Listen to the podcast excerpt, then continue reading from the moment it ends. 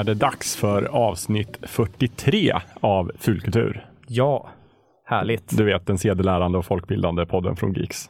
Om jag vet. Som vi brukar säga. Ja.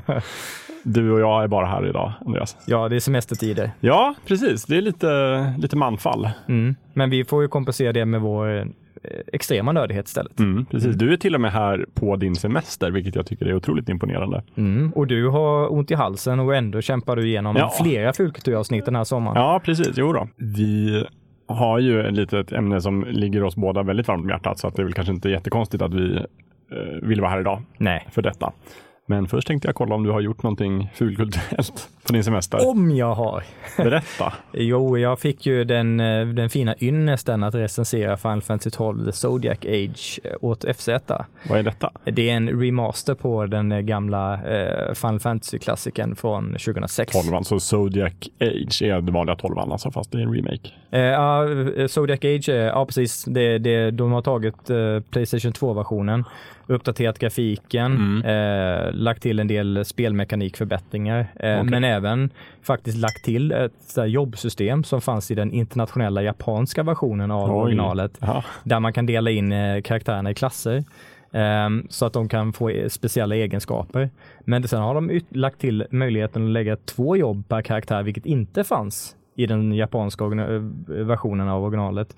Så de har ju tagit ytterligare ett steg i förbättringen Mhm. av Så det här eh, låter som någon form av Ultimate Edition. Ja, det är verkligen det. Och Mm. det flyter på jättebra och spelet är fantastiskt bra och jag har bara myst och myst och myst. Ja, och jag myst. förstår det. Ja, Final Fantasy 12 minns jag när det kom. Det såg väldigt färgglatt ut Mm. och sådär. Och eh, det, det var ju ganska nydanande för Final Fantasy-serien. Mm. Så det är lite en sån vattendelare. Vissa gillar inte alls det och vissa tycker det är helt fantastiskt. Eh, li- lite så här mer aktiva MMO-aktiga strider, vilket många eh, satsar emot. Jag tycker det är fantastiskt trevligt. Mm. Eh, men sen så har det varit mycket annat. Eh, Jag har spelat eh, Yoshi's New Island på 3DS, Mega, Ja. Man, Mega Man ZX på DS. Oj, Eh, och massa retrospel till Sega Saturn. Eh, Spot Goes to Hollywood. det låter som att du varit inomhus på din semester. jo, jag får väl pinsamt erkänna att det har varit mycket av den varan ja. hittills. Hur har Eh, vädret varit? Har du liksom ändå haft regn att skylla på eller du har Nej. varit i stan eller? Ja, ja, jag, har varit i Ja, stan. ja, det. jag har varit ute hos eh, syskonbarnen och lekt lite, Ja. men mycket har spenderats. Det är ju också så här att eh, drar man ner gardinen, då syns det ju inte vilket väder det är ute. Nej, så att, faktiskt inte. nej. Och om man går ut en av dagarna och det regnar då, då kan jag bara anta att det gör det de andra dagarna också. Då behöver man inte titta ut ens. Exakt, precis. Just det. Nej, men det är väl länge sedan som det var någon skam i att vara inomhus. Ja, det var fint tycker jag. väder. Ja. Men du då? Alltså nej, jag, jag tänkte nu innan vi tryckte på räck, vad, just det, vi ska ju prata om vad jag har gjort sen sist och sådär. Så jag, jag har inte fulkulturellat någonting. Det har verkligen varit bara, jag har ju varit ensam här på redaktionen så att jag har ju jobbat. Mm. Och sen så, nej, jag har inte hunnit med någonting. Inga tv-serier alls? Nej, typ inte. inte. Alltså, vi har kollat på det här gamla liksom vad har vi? vi har bränt igenom Party of Five på Netflix. som är, alltså, vad heter den? Ensamma hemma Ja, just på det. svenska med eh, syskonen Salinger som är föräldralösa och, och håller på. Men den är ju jätte, jättedålig och jag- den, det är min sambo som har kollat på den och jag har liksom tolererat den. Den har varit på, men Mm. jag kan inte säga att jag har tittat på den och jag kan inte säga att det är bra. Det är ingen guilty pleasure alltså? Nej, det är snarare så här, liksom, just det, det är väldigt stort på 90-talet. Mm. Och varför? Ja, varför? Det är bara, de är väldigt själviska allihopa i, i den serien. Mm. Och alla, varje avsnitt är bara så här, ja, ja, ja, ni fattar inte hur jag känner. Jag mår dåligt, tänk på mig. det är liksom dramat i varje avsnitt. Ja. Here we go again. Here we go again. Ja. Nej, jo men jag, faktiskt har jag också sett eh, Assassin's Creed-filmen. Nej, Jo, oj. Eh, Det var inte bra. nej, men jag tänkte ändå att vi måste göra det. Ja. Eh, den var väldigt, väldigt dålig. Och Mm. jag hade ändå någonstans hoppats på att den skulle vara roligt dålig, så att jag skulle liksom kunna skratta åt den för att den skulle vara så jönsig och sådär. Men den var svintråkig. Ja, den är var, verkligen det. Har du också sett den? Ja, och jag, jag kom inte ihåg någonting, vilket är ett tecken på att den är extremt tråkig. Mm. Men vi fick se den i liksom tre etapper. Vi hyrde den på iTunes och så där tänkte vi, kan väl kolla på den här nu då. Och Och så, det tog verkligen hela helgen att se den i, i tre omgångar. Och den slutade ju liksom precis när den skulle börja kändes det som. Mm. Och så bara, nej, jättetråkigt. Jag hade så trist. Adaptionen av spel till film fortsätter att vara ett, eh, ett svårt område. Mm. Det är inte många som har lyckats. Nej, nej precis. Så att, nej, det var inte mycket att komma med den här gången. Känner jag så. Men, Nej, men däremot så tror jag att själva ämnet för eh, dagen är, har vi nog lite mer att prata om. det tror jag Kanske, med. för där är det ju ändå många timmars fulkulturellt nöje som jag En har rik bakom mig. historia. Ja, Mm. eh, idag så är det ju Zelda vi ska prata om. Mm. Inte Zelda Fitzgerald utan dataspelet Zelda. Spelserien, The Legend of Zelda från Nintendo. Ja, Kan man säga att det är din favoritspelserie någonsin eller är det hård konkurrens med Final Fantasy? Ja, och Metroid.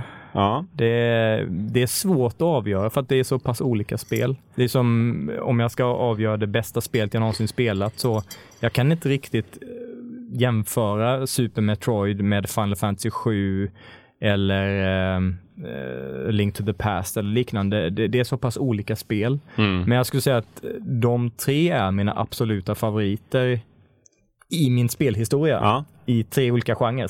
Men Zelda är absolut en av de absolut Ja. största. Och du är ju inte ensam där heller för att Zelda är ju jag vet inte om det är den serie som har sålt absolut bäst. Det är det väl inte. Det är väl The Sims eller något sånt där. Ja. Men det är ju definitivt en av de mest ansedda och en av de mest populära eh, försäljningsmässigt. Ja. ja, Tetris är väl... Tetris har sålt några exemplar också. Men jo, absolut. Eh, sett till eh, Nintendos franchises, då är det väl Mm. egentligen bara Mario som kanske hotar. Ja, och kollar man vilka, liksom, eh, vilka snittbetyg de här spelarna har fått så är det väl också absolut det mest ansedda. Det är väl ingen spelserie som har fått så många liksom, fullpottare Nej, av olika magasin och liknande som, som Zelda-serien. nej. Nej, på de stationära konsolerna så är det ju genomgående jättehöga betyg till alla Zelda-spelen. Eh, De bärbara iterationerna har väl fått lite lägre, men det är ju fortfarande höga betyg det handlar om. Varför är det så då? Vad är det som är så är det, vad är det som är så speciellt med Zelda? Jag har ju min egen uppfattning, men jag tänkte du kan få börja med att berätta vad du tror. Ja, men jag, jag tror det har lite si- sin ursprung i eh, Miyamotos eh, egen bakgrund i hur spelet skapades. Eh, Shigeru Miyamotos eh, äventyrande ute i skogen och, när- som, som gav inspiration till det här Mm, äventyret. Precis, han har berättat det, va? att det var när han var liten som var han mycket ute på landsbygden och sprang. Mm. Eh, och och liksom det, det, den här pojkaktiga äventyrslustan eh, och fantasirikedomen skapade den här spelvärlden som vi upplevde i eh, original Zelda till eh, NES. Och det, det är samma som jag känner att det är just den där, den där barnsliga upptäckarglädjen i kombination med den där Shigeru Miyamoto-magin som är så svår att sätta fingret på exakt vad det är han gör. Men det är inte bara Zelda-serien, han har ju haft sitt finger med i leken i massa andra spel som har blivit helt fantastiskt bra. Ja, verkligen. Det, det är en fingertoppskänsla som jag tror de får svårt att ersätta, faktiskt. Ja, precis. För även om Miyamoto inte själv nu är ju kanske inte, han leder ju inte arbetet med, med de nyare Zelda-spelen. Men han finns ju ändå där som någon form av liksom, Nintendo-nestor och liksom övervakar, smyger omkring i hörnen. och Jo. ibland, jag tycker alltid man hör så här eh, efter när de pratar om hur de har gjort olika spel. Och sen så varför, varför blev det så här? Varför la han in den idén? Så är alltid historien, äh, men Miyamoto kom in på, eh, på kontoret en dag och så sa han bara nej, så här ska vi inte ha det, vi ska Nej. göra så här. och så gjorde vi det. Ja, men det är samma sak som med Metroid Prime. Eh, Utvecklarna har sagt det att eh, vi, vi, vi visste inte hur vi skulle lösa det här med ett tredjepersonsperspektiv, det går över i morphbollen. Och så kom Miyamoto in och sa liksom att ah, men, eh, ni, måste göra, ni måste lösa det, annars funkar inte spelet. Nej. Och testa det här, liksom, eller skulle det här vara en bra idé? Och de bara, oj då, det, ja, det låter ju konstigt. Och sen testade de, så, det är helt briljant. Ja. Och det är ju samma sak med Zelda-serien. Eh, även om han inte aktivt utvecklar eller producerar eller leder spelen, så sitter han ju och ger de här små eh, konen av input som gör, gör de där detaljerna som är den här Zelda-magin på något sätt. Men precis. Var det första Zelda-spelet du spelade först? Eller Ja, jo, absolut. The Legend of Zelda? Legend of Zelda. Så vet, kommer ihåg de här gamla guldkassetterna. Det fanns ju, man kunde köpa spelet med så vanliga tråkiga gråa kassetter och sen så fanns ju de här guldfärgade. Men det var bara Zelda som var guldfärgat va? Eller var Jag det tror det. andra spel också? Jag tror det bara var Zelda. Inte som jag minns i alla fall. Nej. Jag tror det bara var Zelda. Och jag kommer ihåg att det, det- på skolgården så behandlade du verkligen som att det var faktiskt guldkassetter. Det Liksom. var förmodligen riktigt guld. ja, Ja. Men jag måste betala själv. Ja, ja, ja exakt. För jag, det kom ju 1986 i alla fall i Japan. Eh, kan man tänka sig att det kommer ett år senare till Sverige eller? Jag kommer faktiskt inte ihåg, jag är för liten, men, eh, men troligtvis på den tiden så var det ju ledtid mellan japanska och europeiska lanseringar. Eh, Så att eh, med all sannolikhet ja. Vi kommer väl, om vi, vi ska ju gå igenom liksom alla Zelda-spel är väl tänkt lite sådär, liksom från början till slut så. Eh, som någon sorts stomme för den här diskussionen. Då kommer vi väl prata om lanseringsdatum så kommer vi alltid utgå från det som står liksom på Wikipedia. Då är det första, då är det oftast Japan. ja. Eh, Så 1986 då, The Legend of Zelda första. Och som du sa, till NES, Nintendo Entertainment System. Mm. Eller Nintendo 8-bitars som det hette. Som det är till folkmun. Ja, precis. Den lilla grå lådan. Eller Nintendo Famicom som, Family Computer som det hette i, Japan. Mm. Mm. Det är rätt fascinerande ändå om man tänker på att när det släpptes, det var ju i princip ett eh, open world-spel. Mm. Eh, även visst du gick mellan olika menyer eller eh, skärmar. Mm. Så att det var inte öppet så i att det st- streamades i, i en stor värld. Men du, du kunde gå fritt Mm. i en öppen värld. Du kunde gå till vissa dungeons utan att vara förberedd för Ja, det eller ha de items du behöver. Eh, och sen så tog ju serien en lite mer uppstrukturerad eh, inriktning efter det. Mm. Men de började med den Mm. inriktningen som vi kommer återkomma till det senare, att de, de har återvänt till nu på, på senare dag. Ja, exakt. Jo, för, för sen blev de ju mera, alltså nästan, det är fortfarande väldigt olikt Metroid, men det var mycket mera alltså spelmekaniskt likt Metroid. Mm. Att det här med att du kommer inte vidare från det här området förrän du har hittat den här apparaten eller bumerangen eller yxan eller vad det är. Ja, då kan precis. du använda den för att ta dig till ett nytt område och då kan du hitta nya hemligheter. Ja. Och sen så hittar man nästa föremål och då tar man sig ännu vidare. Men innan de gjorde det gjorde de ju ett ganska udda och stort hopp till eh, Zelda 2. Ja, det kan man väl lugnt säga. Jag vill bara säga först om, Zelda 1. Jag spelade igenom det nu nyligen Mm. i somras med ehm, vad heter den? Det här lilla eh, NES Mini NES Classic, Classic som Mini. jag köpte. Ja, ja, vad det Ja, heter. och då tänkte jag nu ska jag spela igenom Legend of Zelda igen. Så det, det är väldigt svårt Mm. Mm, det är det. och det är fortfarande väldigt bra, men jag börjar nog fatta. Alltså jag tror att om man föds idag och växer upp så tror jag man kanske har svårt att förstå lite grejen med, med Zelda-spelet. Just Mm. det här, för jag minns ändå någonstans där 86, 87 när det var nytt i Sverige och min kompis, min granne hade ett Nintendo i källaren där man var alltid Mm. liksom och spelade och då var det just Zelda. Just det här liksom, det är en hel värld. Man kan gå omkring, man kan gå vart som helst, man kan vara vart som helst. Ja, Det var helt unikt. och liksom det var ju för sin tid snygg presentation. Ja, Du hade de här föremålen som låste upp möjligheter. Mm. Du kunde möta på karaktärer som hade dialog. Det här var innan Mm. Final Fantasy och sådana serier Mm. släpptes. Eh, det hade ju många element som man alla hade sett innan. Mm. Eh, så att eh, visst, det är svårt att förstå idag. Ja, nej, men idag finns sätt. det ju ah, så här, liksom Grand Theft Auto och Elder Scrolls, Skyrim och alltså det är inte nytt med en stor spelvärld som man kan upptäcka, men där Nej. var det verkligen nytt. Det var, jag skulle vilja säga att alla de här spelen har någon form av skuld till första Zelda-spelet. Ja, det ska väl vara tvåan som är... Ja, Jag vet inte men är det det? mycket... Hatar du Zelda 2? Det, jag, jag, det är inte en av mina eh, favoriter. Eh, det är nog en av mina minsta favoriter skulle jag faktiskt säga. Men eh, eh, det är inte för att det är ett dåligt spel, det är det ju inte. Men det, det är många delar av Zelda 2 som jag inte tycker, som inte tyckte var särskilt bra då och som Mm. jag fortfarande inte idag tycker är särskilt bra, även om jag kan uppskatta spelet mer nu. Eh, för, för de bytte ju till ett mer eh, rollspelsaktigt upplägg, lite som Final Fantasy skulle bli. Mm. Liksom att du, du utforskar världen eh, sett från ovan och du ham- kommer in i så slumpartade strider. Eh, där du kommer in till en separat stridsskärm där du ska Mm. hoppa runt och... Och då blir det 2D plötsligt. Ja, precis. Har varit, alltså det är fortfarande 2D, men det var uppifrån perspektiv på Mm. kartan. Och det var ju första Zelda-spelet också. Ja. Sen, men i Zelda 2, när du är inne i en by eller i en stridsscen eller sånt, så är det just så här plattformsspel från Mm. sidan. sidskrollande och, eh, och just det där eh, att du, du kan ta några steg och sen så hamnar du i en så här sidskrollande strid och sen Mm. så kommer du ut och sen så hamnar du i en strid till.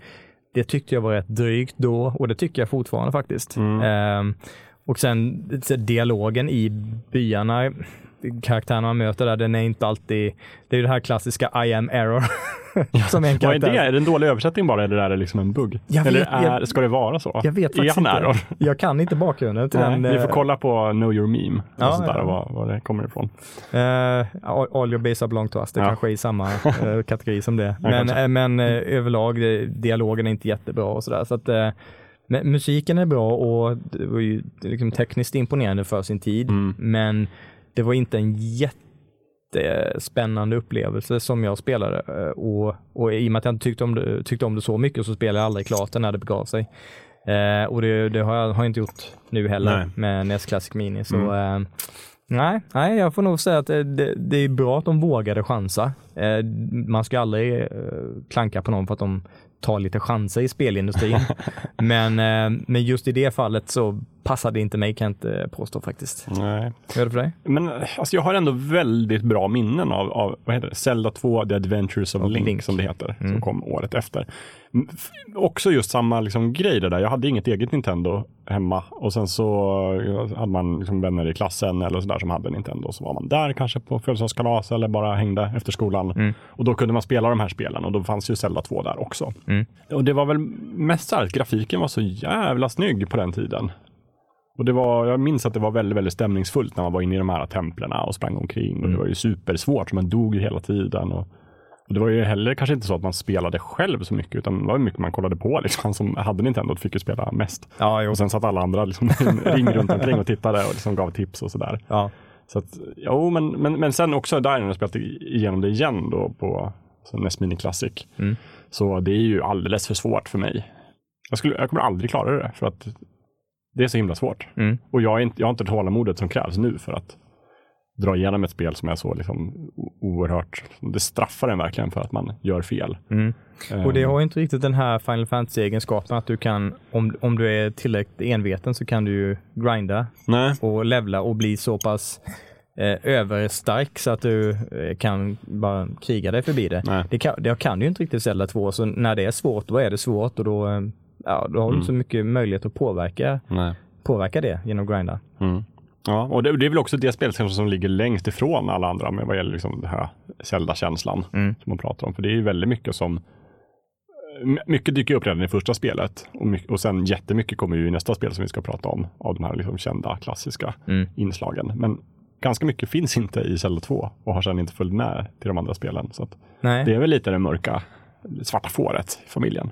Ja, det, det, det verkar ju som att Zelda, eller Zelda, som att eh, Nintendo förstod det att um, okej, det där blev inte så där jätteväl mottaget. Nu kör vi på det, det som faktiskt uppskattas. Mm. Sen har jag ingen aning om hur bra det sålde eller sådär. För det fick ju också, det var inte en guldkassett, men det var en silverkassett tror jag. Ja, just det. Sånt där. Men också väldigt fint. Mm. Fin förpackning med ett svärd på och sådär. Mm. Men eh, jag, jag, jag har faktiskt inte kollat hur mycket, hur det stod sig mot första försäljningsmässigt. Nej, inte jag heller. Men jag minns att det var ju inga på skolgården som gick runt med Zelda 2 silverkassetten och bara oh, äh, kolla här, kolla här. Nej, nej. Så att eh, min, min väldigt icke-empiriska undersökning säger att det var inte lika populärt. Nej, för det var ju väldigt hårt där. Det var ju ett spel som var det coolaste spelet. Så jag vet att Mm. jag tror att om det var liksom Tur- Turtles-spelet första där Nintendo som kom. Mm. Också det var väldigt väldigt åtråvärt på skolgården. Mm. Och sen så vet jag att Super Mario Bros 3 kom någonstans där. Också otroligt populärt. om Man hade det. Hade, Det var väl nästan det mest populära på SNES, eller på. NES va? Mm. Mm. Hade vi en klasskompis som hade varit i USA och köpte lite tidigare så kunde liksom. Oj, oj, oj. Det var det coolaste på skolan. Det var ver- verkligen coolt. Mm. ja, vi hade också en sån här kompis som, som hade alla konsolerna och alla spelen. Ja. Eh, och då var det som, som du säger, vi alla, alla, på hans födelsedag så satt alla runt hans konsol och spelade. Ja. Slutade med att han inte fick spela när alla andra skulle spela. Eh, fin. Good, times. Ja, Mm. för sen nästa spel, det var ju faktiskt, då är det inte på NES längre, utan då har de hunnit släppa Super Nintendo. Mm. Så och där pratar vi ju verkligen. Eh, The Legend of Zelda, A Link to the Past, 1991. Så det är nytt årtionde, det är en ny Mm. konsol, det är 16 bitar. Hur många bitar som helst. Samma link? Nej, ny Nej. link. ja, det är, det är ju alltid det. Eller? Nästan alltid. Mm. Ja, Mm. hela med tidslinjen är en rörig historia. Ja, det... Jag vet inte om vi kommer reda ut det i det här avsnittet. Men, Nej, eh, alltså de, Nintendo har ju publicerat en, en tidslinje, mm, men den känns ju väldigt efterhandskonstruerad. Eh, om, man om man spelar spelen och, och upplever handlingen och sen tittar man på tidslinjen så tänker man, nej, det här tänkte ni det verkligen här är inte lite på. sökt. ja, verkligen. Ja. Och jag är säker på att de liksom men det känns mer som att, alltså, om det finns i vissa spel kan det finnas liksom tillbakablickar och historiska legender och sånt där som anspelar på tidigare spel. Mm. Men då känns det mer som att, ja men då har ni tänkt på det spelet när ni har gjort det här spelet. Men ni har inte tagit med hela den här tidslinjen i åtanke. Nej, Utan det känns verkligen som du säger som en efterhandskonstruktion. ja. Och länge förnekade de ju också att det fanns en tidslinje. Och sen gjorde de ju en till den här liksom, fina boken som du har här på bordet. Mm. Eh, Hyrule historia. Och sen kom nu det senaste spelet där det också verkar så här, jaha, men vart passar det här in på tidslinjen någonstans? Mm. Det verkar inte riktigt passa in någonstans. Nej, alltså det är så konstigt för de går igenom olika spel fram till Ocarina of Time Mm. och där är det så, om Ganon besegras så kommer de här spelen. Mm. Om han vinner kommer de här spelen. Mm. Eh, och så är det tre olika träd av det, så spel Tre parallella universum. Ja, precis. Ja. Och så är det så här, hmm, okej. Eh, så när ni utvecklade en eh, Legend Zelda till NES, då tänkte ni alltså på det här då? Ah, det tror jag inte. ah, Tveksamt. Nej, det känns verkligen som en efterhandskonstruktion. Men det betyder ju också att det här som alla andra spelen borde ju också kunna leda till alternativa tidslinjer. Absolut. Varför skulle det bara vara i Ocarina of Time som det är så här? För det är det enda spelet där de reser i tiden. Mm. Men ehm, jag menar, det måste finnas två utfall i alla andra spel också. Ja, Link to the Past kan man ju tänka sig att det kan hända en Vad del. händer om Link förlorar? Då kommer en ny tidslinje, Mm. nytt universum. Ja, De kanske helt enkelt håller det så för att göra det enkelt för sig. jag tror det. Och jag är förresten helt okej med det. Jag tycker det är, liksom, det, det är klart att de inte ska liksom forma spelet utifrån alla andra spel, utan det är väl fint att de har en frihet att göra det. Mm. Och det är väl en sak jag gillar med Zelda också, att det, det är alltid den här lite så här mytiska, oklara tidsåldern och det finns liksom legender och saker som har hänt tidigare som kan vara andra spel i serien. Men det är också väldigt, det är inte som att man får se det är år 322. Det här är den 17 Link. Nej. Det, det skulle jag tycka förstör lite mysteriet. Ja. Mm. Eh, och eh, nu, Vi kommer komma till det senare, men det senaste spelet i serien eh, hamnar ju helt utanför den här tidslinjen. Ja. Den har, har inte med det att göra överhuvudtaget. ja, den går inte riktigt att få ihop. Nej, så att de, eh, de har nog kanske övergivit det där. Men det är väldigt kul att läsa på internet och se folk försöka få ihop det. Som bara, jo men de här varelserna, de finns ju i den här tidslinjen och sen kanske de, de kanske anpassade sig hit och de kanske liksom färgade håret och så ser de ut så här. Så att då är det nog i den här tidslinjen, nej. Darwins lag goes to Zelda. Ja. Men uh, A Link to the Past då, anses ju av många vara det liksom, kanske inte det bästa Zelda-spelet, men det mesta Zelda-spelet i alla fall. Ja, alltså, Eller det bästa. Av, av 2D-generationens absolut bästa Mm. Zelda. Eh, sen så 3D-generationen är ju ett kapitel för sig och där Mm. finns ju ett annat spel. Eh, men, eh, men Link to the Past är ju absolut 2D-generationens ah, bästa spel. Mm. Eh, Ett av SNES, gener- Super Nintendo-generationens Mm. absolut bästa spel. Det är ju det är en makalös kompott av fantastisk musik, grafisk design, eh, nivådesign, Mm. eh, hur, hur allting är, sammansatt. Det är, Ja. det, det, ja, det, det är liksom ett mästerverk Ja. inom speldesign. Ja, verkligen. De hade ju, på den tiden så hade de ju, ställde de gärna ut Super Nintendos i leksaksaffären. Mm. Så fick man gå dit och så fick man spela lite grann. De hade ju då kanske en loop med liksom åtta spel. Mm. Så man fick bara spela liksom fem minuter per spel. Och sen bytte de till nästa spel. Fick Mm. man spela där och så var det alltid någon unge bakom en som också ville spela. Så att, men där kunde man spela liksom första fem minuterna av eh, Link to the Past. Mm. Ofta fick man då spela när, i början där man eh, eh, är runt slottet och Ja. de här eh, bepansrade soldaterna går Mm. runt och man får möjlighet att, att ladda upp ett, ett, en sprint Ja. så man kan springa in i de här med sitt svärd och Mm. skada dem. Ja, precis. Och, och det är liksom så här det, det, de lyckas, den här pixelgrafiken, de lyckas skapa en slags skuggsättning på den här, det här pansaret på de soldaterna som ser så, eller riddarna som, Mm. ser, som ser så häftig ut. Mm. Eh, ä- liksom, även idag om man tittar på det så är det ju otroligt läckert. Ja, ja det de är har pixelgrafik i sitt esse. Ja. Och det är många spel på SNES-generationen som, som fortfarande håller just för att pixelgenerationen åldras mer värdigt än Mm. vad, vad 3D gör. Ja, men den är ju tidlös på något annat sätt. Liksom. Mm. Det är därför så tycker jag ju att Link to the Past är mycket snyggare än Ocarina of Time. Till Oh ja. Som ju kom bara sju år senare. Ja, men jag vet inte vad jag ska säga om Link to the Past helt enkelt. Jag, jag har spelat igenom det, tror jag, kanske två eller tre gånger. Mm. Fina minnen. Jag har spelat igenom på Virtual Console en gång också. Eh, på, på senare år. Mm. Och eh, det var ju fortfarande precis lika bra. Eh, det är bättre än det mesta i Zelda-väg även idag när det har skett mycket utveckling i serien. Mm. Så är det fortfarande bland det absolut bästa. Mm. Ja, det är verkligen helgjutet. Sen kan man väl känna ibland lite grann idag att ja, men kontrollerna känns lite liksom 16 bitar. Mm. Eh, men alltså, ja, det är en klassiker. Ja, Så jag spelade det en gång också på Game Boy Advance, för de gjorde ju en variant till Game Boy Advance. just ja. eh, där de paketerade det tillsammans med ett nytt äventyr som heter Four Swords. Mm. Som jag inte spelade, för det behövde man spela liksom tillsammans med någon annan. Mm. Eller med fyra kanske till och med. Ja, och du kunde koppla ihop det med uh, GameCube-spelet va? Nej, det är Four Swords Adventures tror jag. Adventures var det, Som just då det. släppte ett speciellt GameCube-spel på samma det. koncept. Och Ja. då behövde du, de gör ju alltid så här Nintendo, då behövde du liksom ett Nintendo, en Game Boy Advance för varje spelare. Mm. Och sen behövde du en Link-kabel till GameCube och så behövde du ett GameCube-spel. Eh, då kunde du spela. Mm. Det var väldigt svårt att få tag på. Det var inte alla som hade det. Nej, eh, det kostade och eh, var lite bökigt Mm. och ja. Men jag lyckades faktiskt skaffa det sen, så jag körde igenom Four Swords Adventures. Jaha, vad tyckte du om det då? Jo, men det är bra. Mm. Det är kul. Det är speciellt, Ja, jo det är det. Men, men det är väldigt charmigt. har det en så här klassisk Zelda-story och upplevelse? Ja, det tycker jag ändå. Mm. Inte lika djup så, utan det är mera, jag skulle ju nästan beskriva det som en spin-off-titel, fast det anses ju vara en del av liksom kanon-titeln. Sådär. Eh, precis som det här eh, som kom nu på senare år, Triforce Heroes. Till Där- 3DS. Ja, precis. Mm. Som ju också så här, det är väl en spin-off, men nej, det är riktigt. Ja. Så. Men, men det är inte riktigt, det är inte ett riktigt, riktigt Zelda-spel. Nej, det är det ju inte. Nej. men eh, ja, nej, men jag spelade en hel del av, av de här alltså, Super Nintendo-spelen och sen portades till Game Boy Advance. Mm. Det var liksom min huvudkonsol där ett tag. Ja, det, den fick ju många fina portningar, Mm. även från Metroid-serien. Men Gameboy-familjen fick ju sina egna Zelda-spel också.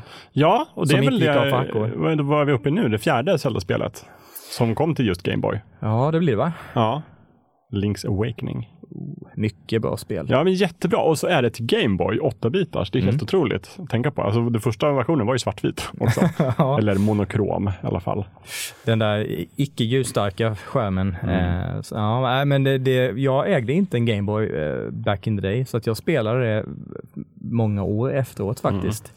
Mm. Men även då var det ju helt fantastiskt bra.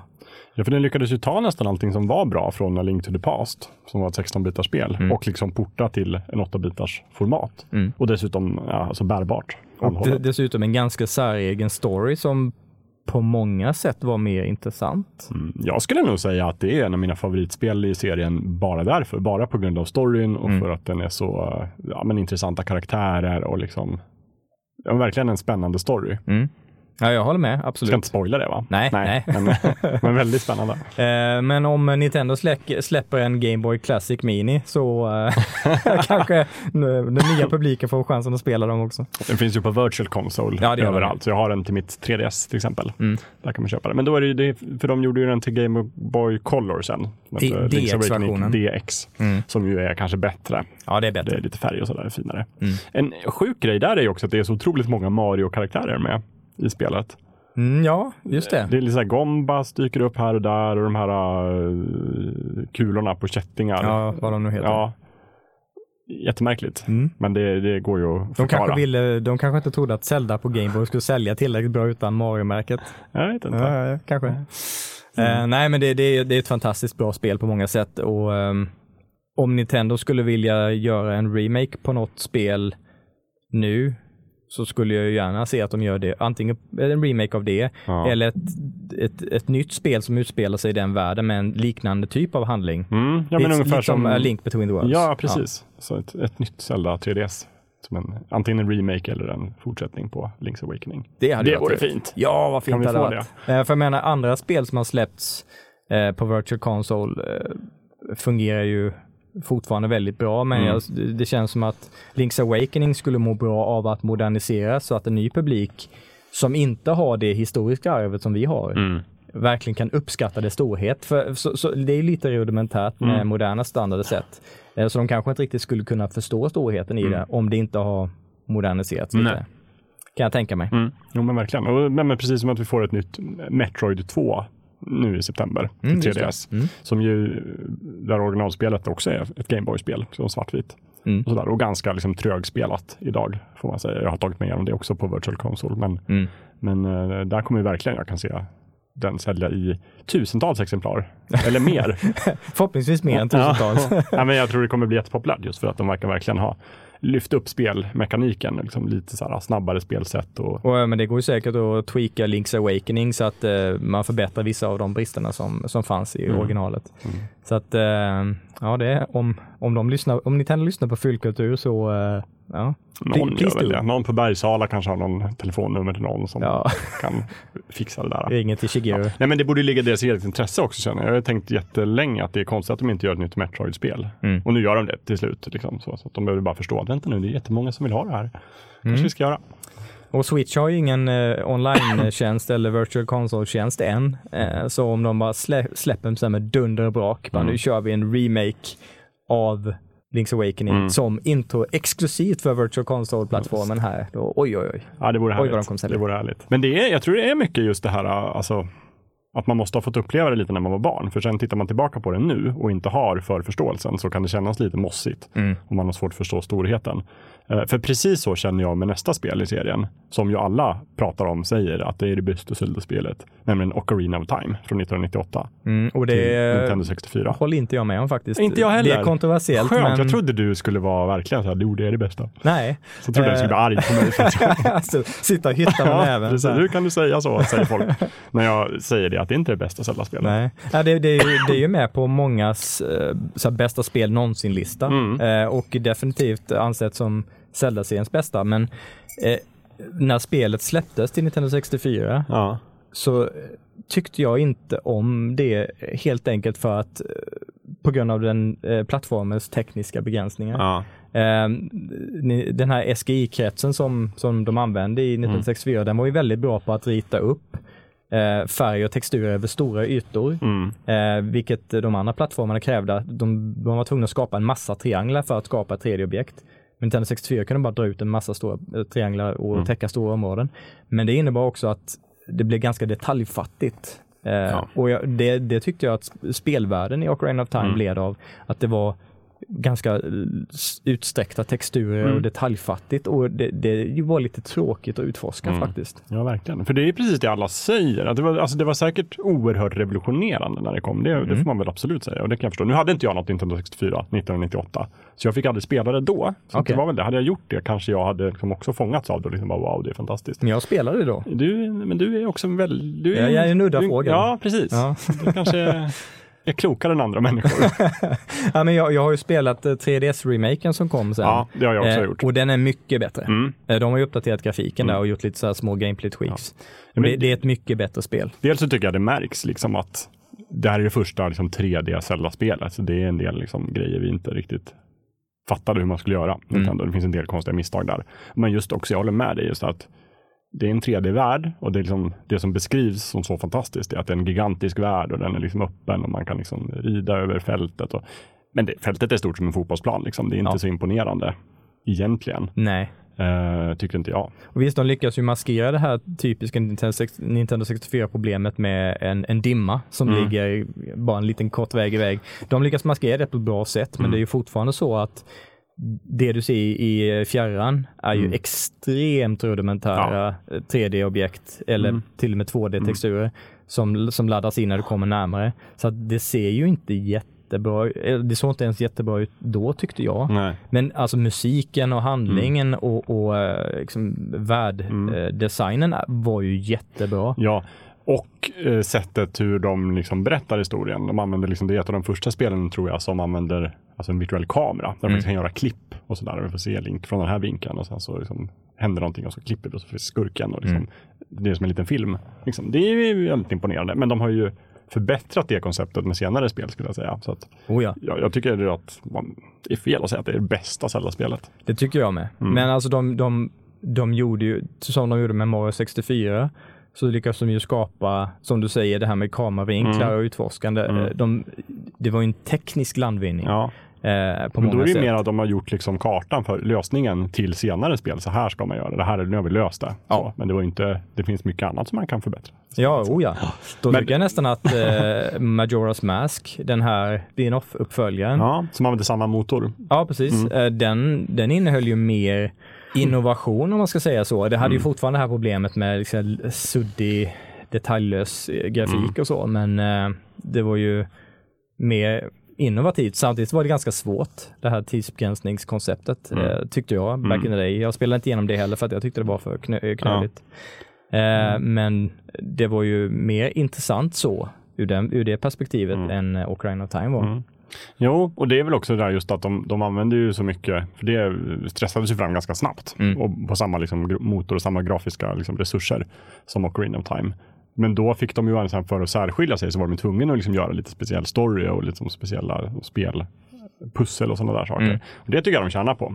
Oh ja, Men jag skulle väl, jag tycker väl egentligen att de två spelen är liksom i ungefär samma klass. Det låter verkligen som att vi tycker de är dåliga. Jag tycker inte det. De är Nej, jättebra. Jag inte. förstår varför de är klassiker och sådär. Men jag tycker bara inte att det är det, det, det bästa Zelda-spelet. Nej. Jag tycker inte Majora's Mask är det bästa Zelda-spelet heller. Nej, det tycker inte jag heller. Men eh, både 3DS-versionen av Ocarina of Time och Majora's Mask har fått mig att uppskatta de spelen mycket mer än jag gjorde då. Mm. Jag tycker att de är fantastiskt bra. I de versionerna så är Mm. det fantastiskt bra spel. Mm. Skulle fortfarande inte säga att det är de bästa i serien, Nej. men det är väldigt, väldigt, väldigt bra spel. Precis. Och det handlar heller inte om att jag föredrar de 2D-Zelda-spelen. Visserligen så är nog de flesta av mina favoriter är nog 2D-spel. Mm. Eller liksom med det perspektivet i alla fall. Uppifrån. Liksom fast 2D-perspektiv, även om grafiken i sig är 3D nu för tiden. Utan jag gillar ju, som vi ska komma fram till snart, senare 3D-Zelda-spel Mm. väldigt mycket. Men även de andra 2D-spelen som vi inte har pratat om, som Minish Cap och eh, Mm. Story of Seasons, Story of Ages, de är ju också väldigt bra. Ages, när, nu när jag spelat det på Virtual Console i, i liksom modern tid, Mm. så tycker jag att det är ju fantastiskt bra. Ja. Fortfarande. Jag Precis. skulle förmodligen älska det ännu mer om jag spelade igenom hela spelet på den tiden. Mm. De släpptes ju 2001, så det är liksom året efter Majora's Mask egentligen. Och det Mm. var ju de första spelen som inte utvecklades av Nintendo. De första Zelda-spelen ska jag säga. Ja, just det. Det var Mm. Capcom som fick göra. Från början skulle det vara tre spel som hängde ihop. Men det var för bökigt så att de gjorde två. Man kan ju fortfarande se så rester av liksom, i storyn. Mm. Att det finns element och sådär som pratar om liksom, tre visa eh, trollkvinnor och sådär. Mm. Men det är bara två som dyker upp i spelen. Men vi, vi glömde den andra, den Ja. tredje lite så här bekvämt. Ja, Men, precis. men Capcom på den tiden var ju en fantastisk utvecklare och det Mm. syns ju i de spelen. De är också väldigt bra. Men väldigt bra, det är de. Och det är också Game Boy Color. Mm. Så det är åtta bitars igen. Det är lite samma spelmotor som eh, Link's Awakening, Mm. fast i färg. Mm. Ja, jag gillar dem väldigt mycket också. Jag vet inte vilket som är bäst egentligen. Ages eller Seasons, det är den eviga frågan. Jag har ju bara spelat igenom Ages. Ja. Jag har spelat lite av Seasons men inte igenom hela. Ehm, men det, ja, det känns ju som att det, det, det är två olika storyinriktningar men det är i stort sett samma spel. Så Mm. att eh, gillar man den ena kommer man gilla den andra. Mm. Så är det ju. Ja, det, jag tycker också det är lite talande att de hänger ihop hela tiden, så de släppte samma dag. Kollar man på Wikipedia så de har exakt samma Wikipedia-sida, så att man, man kan ju betrakta dem som ett och samma spel. Mm. Oh ja. Det är två spel, men de hänger ihop liksom. Och man ska inte titta på hur de hänger ihop i tidslinjen. Nej, det ska man Då inte får man göra. inte i huvudet. Ja, gud ja.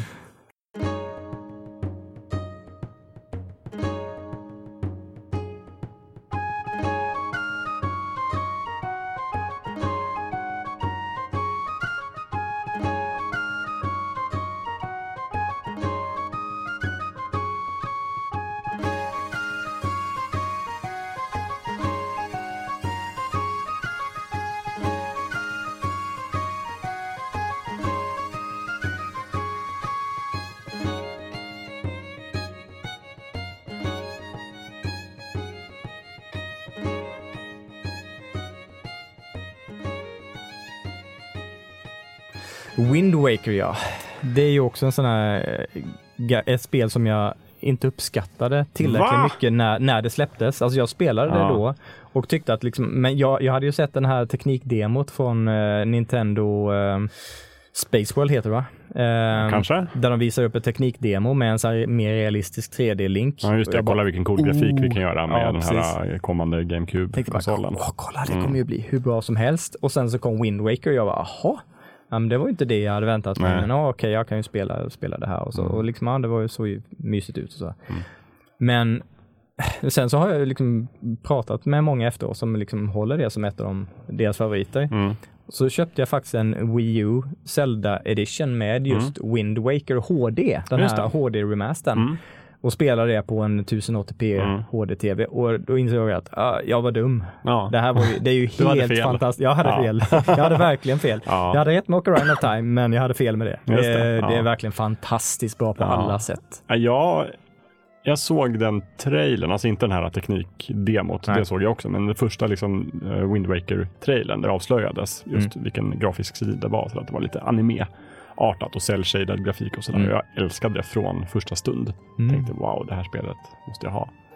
Eh, och sen var det, det var, när kom det? 2002 ungefär. Mm. Så då hade jag, tror, 2003 tre någonstans där. Då flyttade jag från Umeå till Stockholm. Mhm. Då var jag liksom precis så här, jag hade gjort slut med min tjej, jag var allmänt så här, hade inget jobb och var väldigt så här, miserabel och vilse i livet och deppig. Och tänkte, då köpte jag faktiskt ett GameCube. Uh, Wind Waker Ett Edition. myspysspel till för mig att lätta själv. upp Ja, dig. för, och, och sen så spelade jag det där på liksom kvällarna. Mm. Sådär, och det var fantastiskt. Jag hade väldigt, eh, väldigt fina minnen av det. Mm. Och det passade väldigt bra också, just där väldigt ljus liksom, grafik och väldigt mycket hav och vara ute och segla. Och, Mm.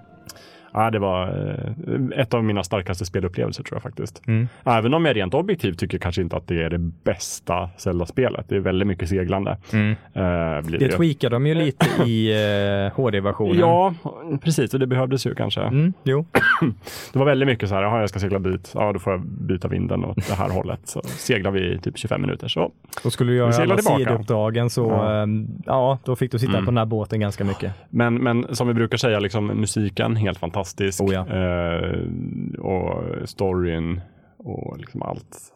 Bara den generella atmosfären. Ja. Eh, ljussättning, eh, med visst det är cellshaded grafik och så, men de använder ju ljussättning eh, och här, kontraster på ett helt fantastiskt sätt, Ä- även på GameCube-tiden. Mm. Men det blir ännu mer påtagligt i HD-versionen. Mm.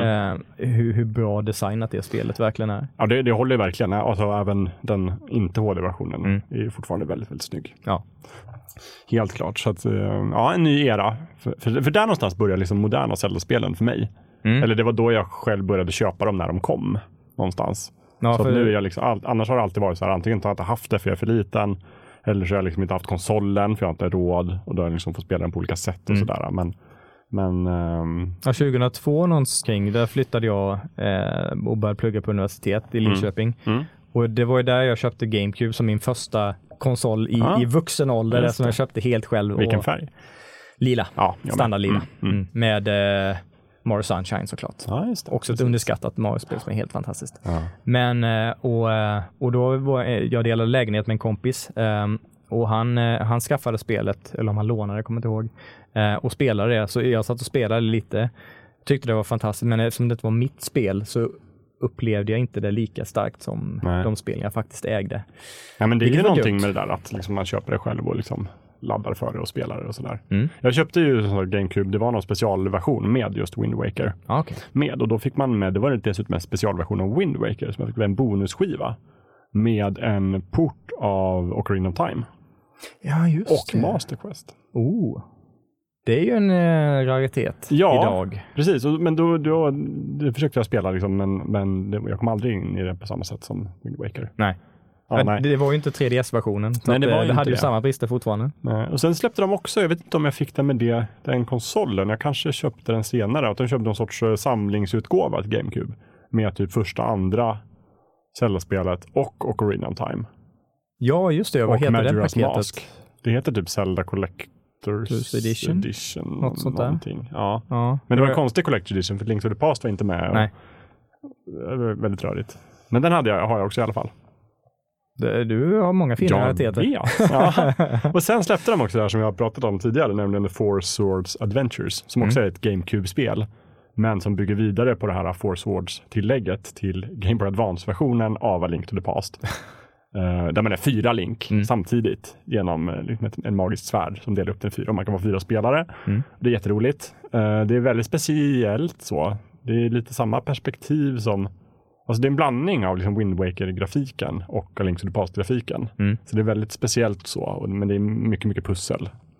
Eh, Det går att spela på en spelare. Ja, det, Men, men, eh, då får man ju inte hela upplevelsen. Nej, utan jag tror jag spelat det genom det vi var två eller någonting, så man fick styra två link var.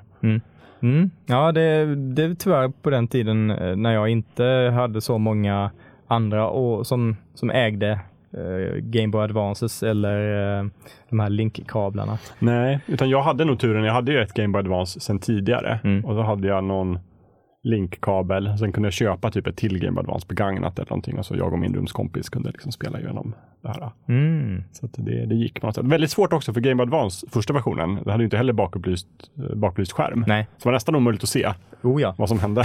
för man skulle ju titta på tvn när man Mm. spelade liksom när man var på, i övervärlden. Men så fort man gick ner i en grotta, då byttes ju perspektivet till Game Boy Advance-skärmen. Mm. Och då var det väldigt svårt att se. Jag startade faktiskt upp min Game Advance hemma för ett tag sedan. Mm. Och jag trodde först att den hade blivit skadad eh, av tidens tand, Ja. för jag såg ingenting. Eh, men sen så gick jag gick jag in i ett mörkt rum och Ja. höll handen över och insåg att jo, den fungerade. Den är bara så jäkla ljussvag. Precis. Eh, Ja, det var. ja, det var goda fina tider. De släppte ju Game Boy Advance Micro. Mm. Som var en fantastisk utgåva med bakupplyst skärm och jätteliten. Men den var inte kompatibel med linkkablarna Nej. tyvärr. Så att, Ja, det var udda släpp. Ja. Alltså en bra produkt med udda släpp. ja. Eh, vi, var, vet du var vi är någonstans? Vi är framme i 2004. kom Oj. Och samma år släppte också Capcom ett nytt Zelda-spel till Game Boy Advance. Minish Cap. Åh. Det är ett av mina favorit, eh, favoriter också faktiskt. Mm. Ja, det är också ett sånt spel som jag, jag ägde ingen Gameboy på den tiden så att jag har spelat På virtual. Ja, precis. Mm. Men uppskattade det jättemycket för det har en väldigt mysig, också udda handling. Ja. Eh, Capcom-spelen eh, körde på en liten annan inriktning Ja. än de andra. Men det är också en sån himla mysighetsfaktor i det spelet. Med alla de här Pikmin-folket och Mm. sådär. Man går omkring och byter grejer med dem. Vad är det? Kinstones man byter. Mm. Ja, men det, det, skulle jag säga att det har nog högst mysfaktor av alla Ja. Zelda-spelen faktiskt. Tror också det. Ja. Eh, och sen så också lite så här an, anknyter till Zelda-mytologin. Så det börjar ju bli intressant vid den här tiden. Liksom, typ, eh, hur hänger de här spelen ihop? Mm. Och sådär, att, och då, det här är ju ett av de spelen som verkligen uttalat utspelar sig väldigt tidigt. Mm. I liksom innan egentligen Master Sword finns och sådär. Jag gillar det. Mm. Ja, jag också. Det, och för alla som, som liksom tänker att de här gamla Gameboy-spelen, det kan ju omöjligt eh, uppskattas idag. Mm. Om man köper det på Virtual Console så den här gamla 2D-grafiken ser fortfarande så pass fin, Mm. eh, den här pixelgrafiken ser fortfarande så pass fin och mysig ut att om man uppskattar den typen av spel så är det fortfarande lika bra idag, Mm. skulle jag säga. Ja, verkligen. Vilket jag inte kan säga om några andra Zelda-spel som vi kommer till alldeles strax. Nej, samma här. Virtual Console, jag tror Vi det är väldigt synkade. Ja, vi är ju det. Men först kom ju ett av de största Zelda-spelen. Eh, 2006. Twilight Princess. Oh, som släpptes till två konsoler faktiskt. Ja, det är sjukt. Vad var grejen? Det, det skulle komma till GameCube. Mm. Eh, men de så var det försenat i typ ett och ett halvt år eller två år. De behövde ett dragplåster till Wii. Tror du att det är liksom så att de höll på releasen för att få det till Wii? Ja, det tror jag. Det tror du? Ja. Du tror inte att det verkligen var, inte var klart? Nej. Okej. Det- Jag tror att det var både och. Jag tror att det först vart försenat och sen så skulle de släppa det typ julen 2005 eller någonting. Och sen Ja. så tror jag att de, nej men då håller vi det till, till Wii. Jag tror att de hade kunnat cruncha klart det. Eh, Det tror? Men sen så insåg de att Revolution är på väg. Ja. Vi behöver ett starkt eh, paradnummer till Mm, den. Äh, okej. Vi släpper den till båda Det konsolerna. var ändå ganska mycket jobb där med att porta, alltså för de var ju tvungna att spegelvända hela spelet Mm. för, att, för att passa till Wii. För Wii har ju de här liksom handvevande fjärrkontrollerna som man styr med. Med högerhanden och Ja, sådär. exakt. Och Link är vänsterhänt som vi alla vet. Ja, Eh, Såklart. Så då fick han bli högerhänt, för de flesta är högerhänta som spelar. Mm. Då var han tvungen att vända liksom hela världen, spegelvända. och du skulle ha den här motion, på Wii Mm. skulle du ha den här motion-kontrollen när du styr eh, pilbågen Mm, exempelvis och, och liknande funktioner. Eh, och sådär. Ja. Spelade du det först på GameCube eller på eh, Wii? Eh, Jag hade faktiskt precis börjat som eh, recensent Mhm. eh, för en sajt som heter Level 7 på den tiden. Så att jag spelade på Wii först och sen spelade, köpte det till GameCube själv. Mm. Ehm, och eh, jag får nog säga att jag gillade GameCube-versionen bättre. Även om Jaså, Wii- ja. Wii-versionen såg bättre ut, men jag gillade faktiskt den klassiska kontrollen där eh, bättre än den här motion-kontrollen. Mm. Och jag, jag är inte motståndare till motion-kontrollen för eh, Metroid Prime-versionerna, den här samlingen som kom. Ja. Eh, ettan, tvåan, trean släpptes ju som en samling Ja, det, med Wii motion-kontroller. Så det, jag håller med, det är jättebra. Men jag älskade verkligen motion-kontrollen till Twilight Princess. För jag köpte Wii liksom när det släpptes och så köpte jag Zelda-spelet och så spelade jag bara skiten ur det. Typ. Jag tyckte ändå, det, för det här, jag tycker nog det här är den liksom fulländade Ocarina of Time-formulan. Ja. Tycker jag. Här, det är precis det här de ville göra med Ocarina of Time. Det är lite mörkare, Ja, eh, lite allvarligare ton i det, eh, väldigt stämningsfullt. Några fantastiskt fina scener där Precis. musiken och det visuella eh, kompletterar varandra på ett sätt som Mm. inget annat 3D-spel i serien riktigt gör. nej. Det är, ja, det är makalöst bra på många Mm. sätt.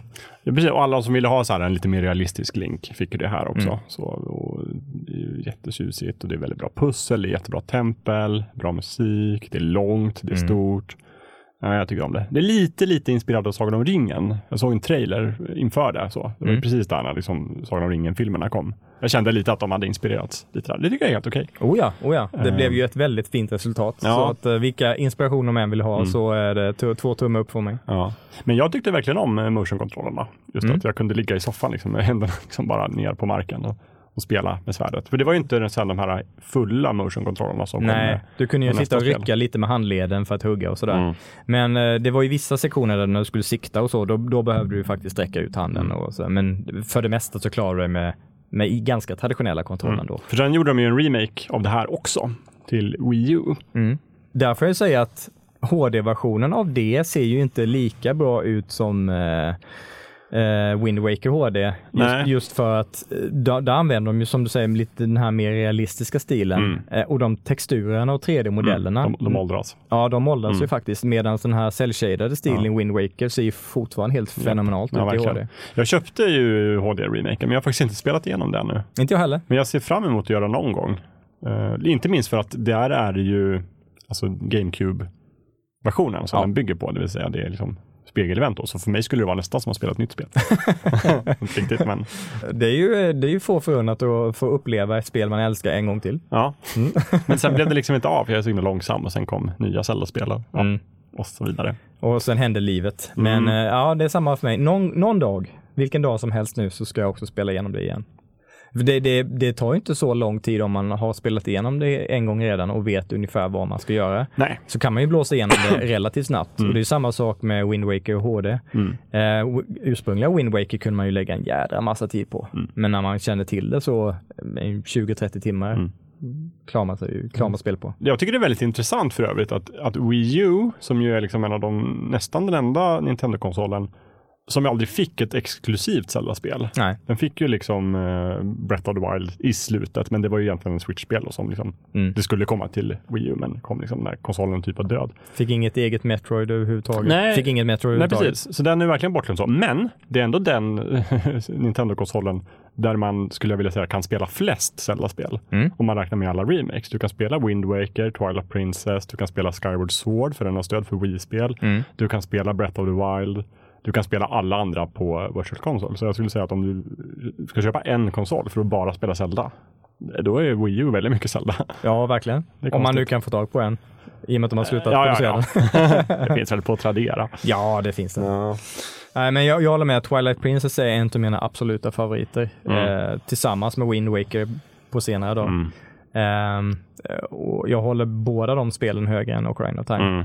Faktiskt. ja, jag tror Twilight Princess är nog min favorit. Så, liksom, för, för det var liksom, det var liksom, för mig var det verkligen uppföljaren till Wind Waker som var ett så starkt spelminne. Mm. Och så var det Twilight Princess eh, som var eh, liksom, wow, lite mer vuxet, lite eh, hårdare och tuffare. Liksom. Mm. Eh. Och hela den här liksom, grejen med, med The Twilight-världen. och Spelar som Midna heter man. ja, Mm. Ja, det, det finns en scen när man, man sitter typ som på en, en bergsluttning. mm, Och ett, ett här makalöst fint ljud, musikstycke som spelas Mm. och så, så liksom solen håller på att på, på gå ner och liksom den här färgsammansättningen i övergången mellan mörker och, eh, och dag. mm. Det, det är nog bland det snyggaste jag sett Mm. eh, stämningsmässigt Ja. i ett spel. Det, det är många sådana scener i spelet. Mm. Hela den här, det finns en, en jag tror en, en eh, animerad sekvens där man får se en tillbakablick där, där Ganon fångas och ska avrättas. Mm. Hela den scenen är bara liksom, wow, Mm. otäck. Ja. Sen så kom ju Skyward Sword Mm. också till, eh, till Wii. Precis, däremellan så har de faktiskt släppt två bärbara Zelda-spel. Mm. Jag tänkte vi kunde nämna lite hastigast. Jag vet att det inte är dina favoriter. Nej. De två Nintendo DS-spelen. Eh, vad heter de? Phantom Hourglass och sen kom Spirit Tracks. De kom eh, 2007-2008. Mm. Så det var en ganska snabb följd där. Följde de upp det. Och det är också, de använder typ samma motor och sådär. Ja. Eh, Men Phantom Hourglass gillade jag. Eh, Det Mm. var ju bara att eh, det var inte en så minnesvärd upplevelse som Zelda-spelen brukar vara. Nej. Men det, det var ju ett väldigt bra spel. De, de löste det här spelmekaniken med att, att rita med stylusen på skärmen för Mm. att lösa pussel. Mm. Det löste de på ett väldigt snyggt sätt. Eh, Så att det är ingen kritik mot spelet i sig, men det är bara att liksom när man har spelat klart det så fanns inte den där känslan av att oj, nu har jag Mm. upplevt något episkt. Det här kommer jag komma ihåg för årtionden framöver. Nej visst, det är ju gjort som en mycket mindre skala liksom, på Ja. det sättet. Även liksom storymässigt. Mm. Phantom Hourglass är ju en direkt uppföljare till Wind Waker, så där Mm. är det samma Link till exempel.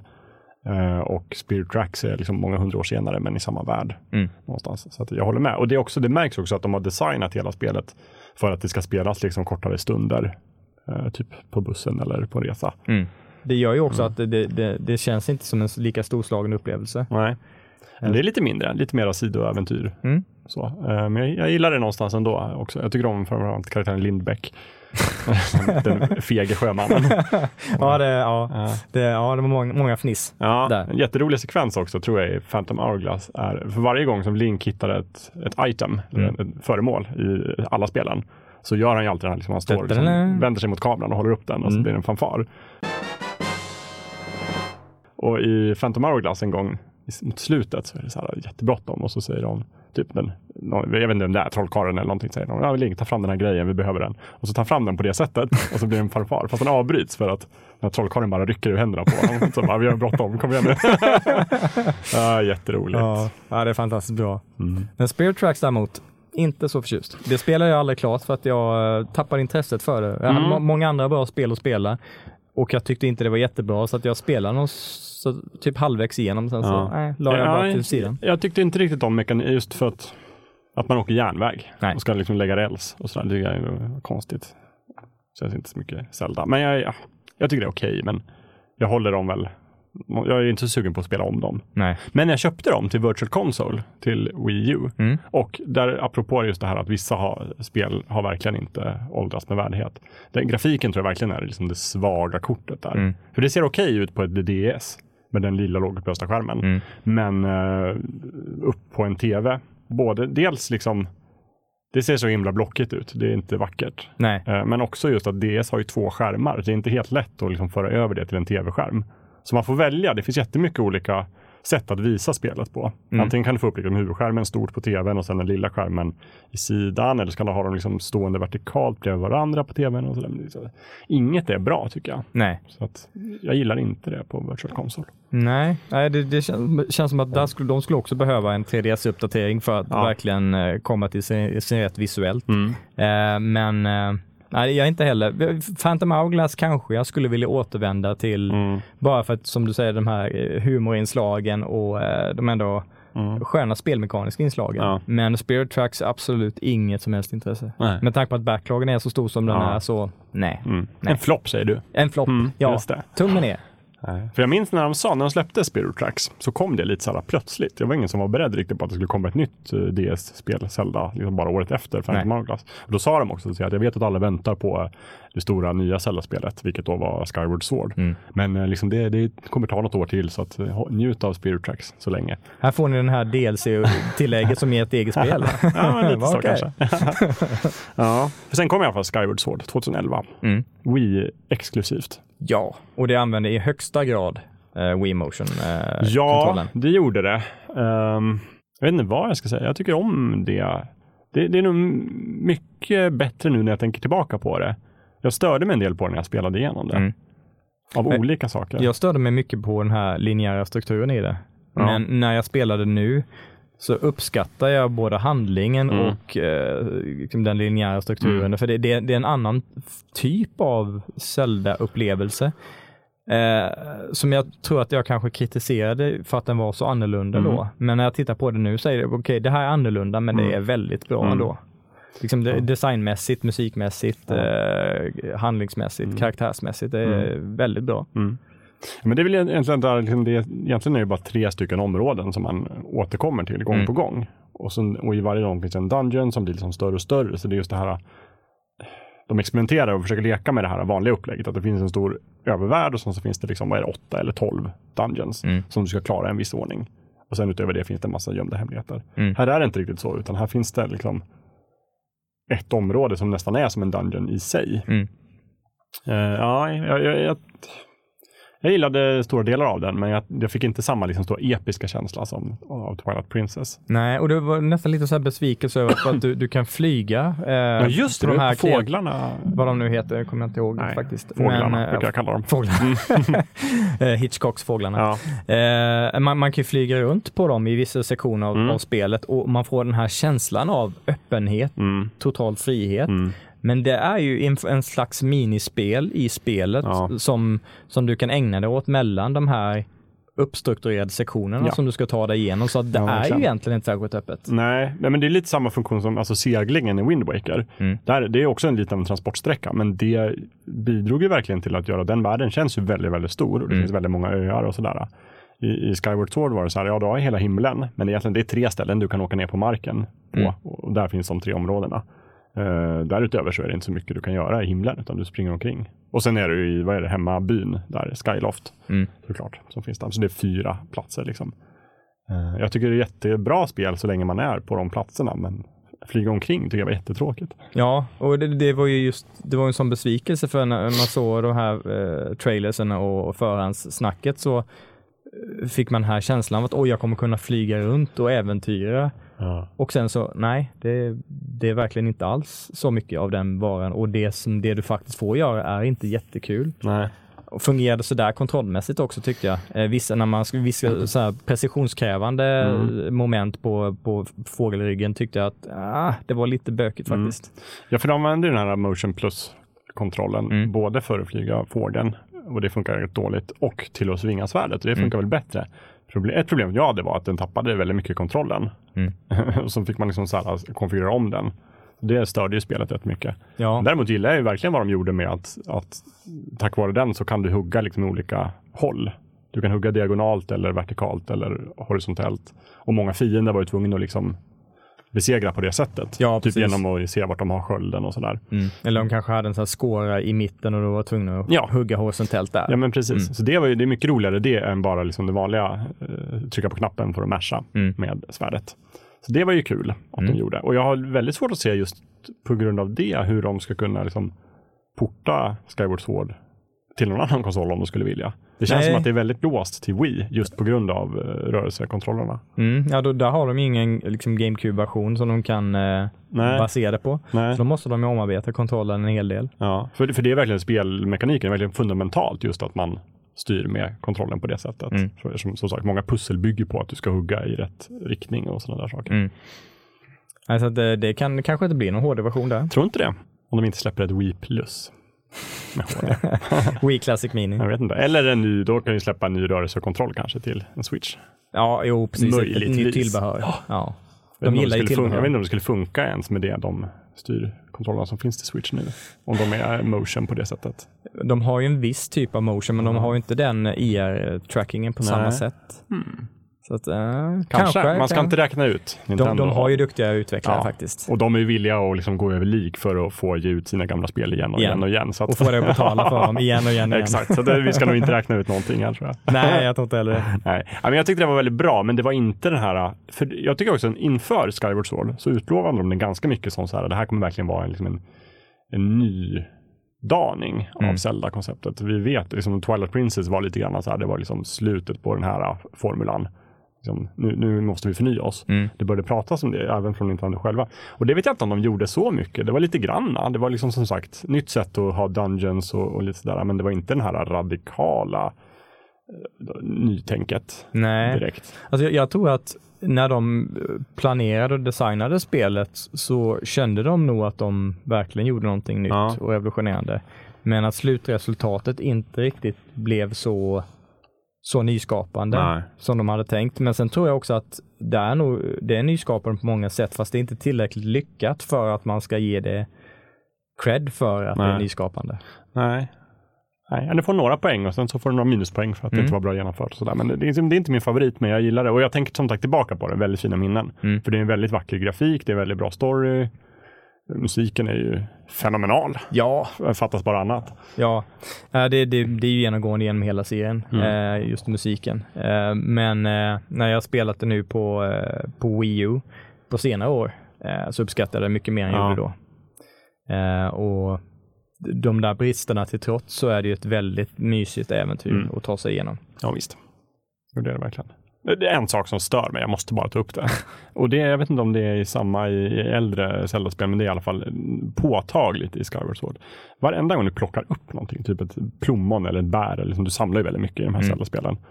Varför måste Nintendo berätta för så att jag, liksom, spelet pausas och så får jag upp en inforuta vad det är jag har plockat upp. Så här bara, grattis, du har plockat upp ett körsbär. Det kan du använda till det här och det här. Och sen så öppnar den liksom min, min inventory och visar hur det här körsbäret dyker upp i inventoriet. Och sen så spelar jag vidare och så tar jag upp ett nytt körsbär och då händer ingenting. Men varje gång jag startar om spelet så ska speljäveln berätta för mig igen vad ett körsbär är och varför, vad jag kan göra med det och visa hur jag har det i min inventory. Sjukt störande. Barnorienterad Nintendo vill verkligen informera om Mm. exakt vad allting är och hur det ser ut. Ja, ja, men liksom, Och- Nintendo, jag, det var jag, jag spelade för en timme sedan. Jag vet vad det är. Jag bara tog en paus. Kommer ihåg. Sluta, lägg av. Men Ah. så är det ju inte riktigt i eh, den senaste Nej, jag titeln som vi vet. Och det är senare. en av de bästa grejerna med Breath of. Att de har liksom tagit bort mycket sånt. Ja, verkligen. Eh, vi går vidare i ordning tycker jag. Nu är det dags för Link Between Worlds till Nintendo 3DS. Så Mm. det är eh, bärbart Zelda-spel. Mm. Året är 2013. Det är en direkt uppföljare till storspelet A Link to the Past Mm. från 1991. Det rådde viss så här förvirring. Vi- Vissa trodde att det var en, en remake på A Link Ja. to the Past, men det, det är ju faktiskt en, en uppföljare som utspelar sig i samma spelvärld. Ja, precis som Spirit Tracks är det till eh, Phantom Hourglass till exempel. Ja, precis. Ehm, men rent spelmekaniskt och handlingsmässigt så är det ju väldigt annorlunda. Mm. Det använder ju den här mekaniken med att eh, du kan förvandla dig till en tvådimensionell eh, tavla. Ja, just det. Eh, Gå på väggen. Väldigt roligt. Mm. Och gå in i sprickor och sådär. Ja. Mm. Jag tycker det är kul lek att de har liksom en 3D-konsol och då är gimmicken att man kan bli 2D. det är väldigt kul. Ja, men det, det visas ju snyggt också. Ja. Liksom att du, du ser den här sprickan i väggen Mm. och så ser du din 2D-figur liksom glida Ja. in i sprickan. Det, det är läckert. är Ja, typiskt Nintendo. ja väldigt Mm. Nintendo. Det är ett väldigt festligt spel. Jag gillar det jättemycket. Mm. Eh, jag skulle säga att det är ett av de bättre. Oh ja. Och det är väldigt mycket, det är också så här, man ser ju arvet från Link to the Past. Mm. Eh, men också, liksom, som sagt, moderniserat. Ja, det är en uppputsat. 3D-motor. Ja. Eh, Jag gillar också för att få liksom samma vy som i, i A Link to the Past 2D så var de tvungna att vinkla 3D-modellerna framåt. Har du sett det? Ja. Att de lutar framåt när de går. Ja, det, det kan se lite skumt ut om man tänker på det. Ja, Alltså när jag först spelade tänkte jag inte på det, men Nej. sen när jag f- fått reda på det i efterhand, så när jag spelade, bara, just det, Mm. just det.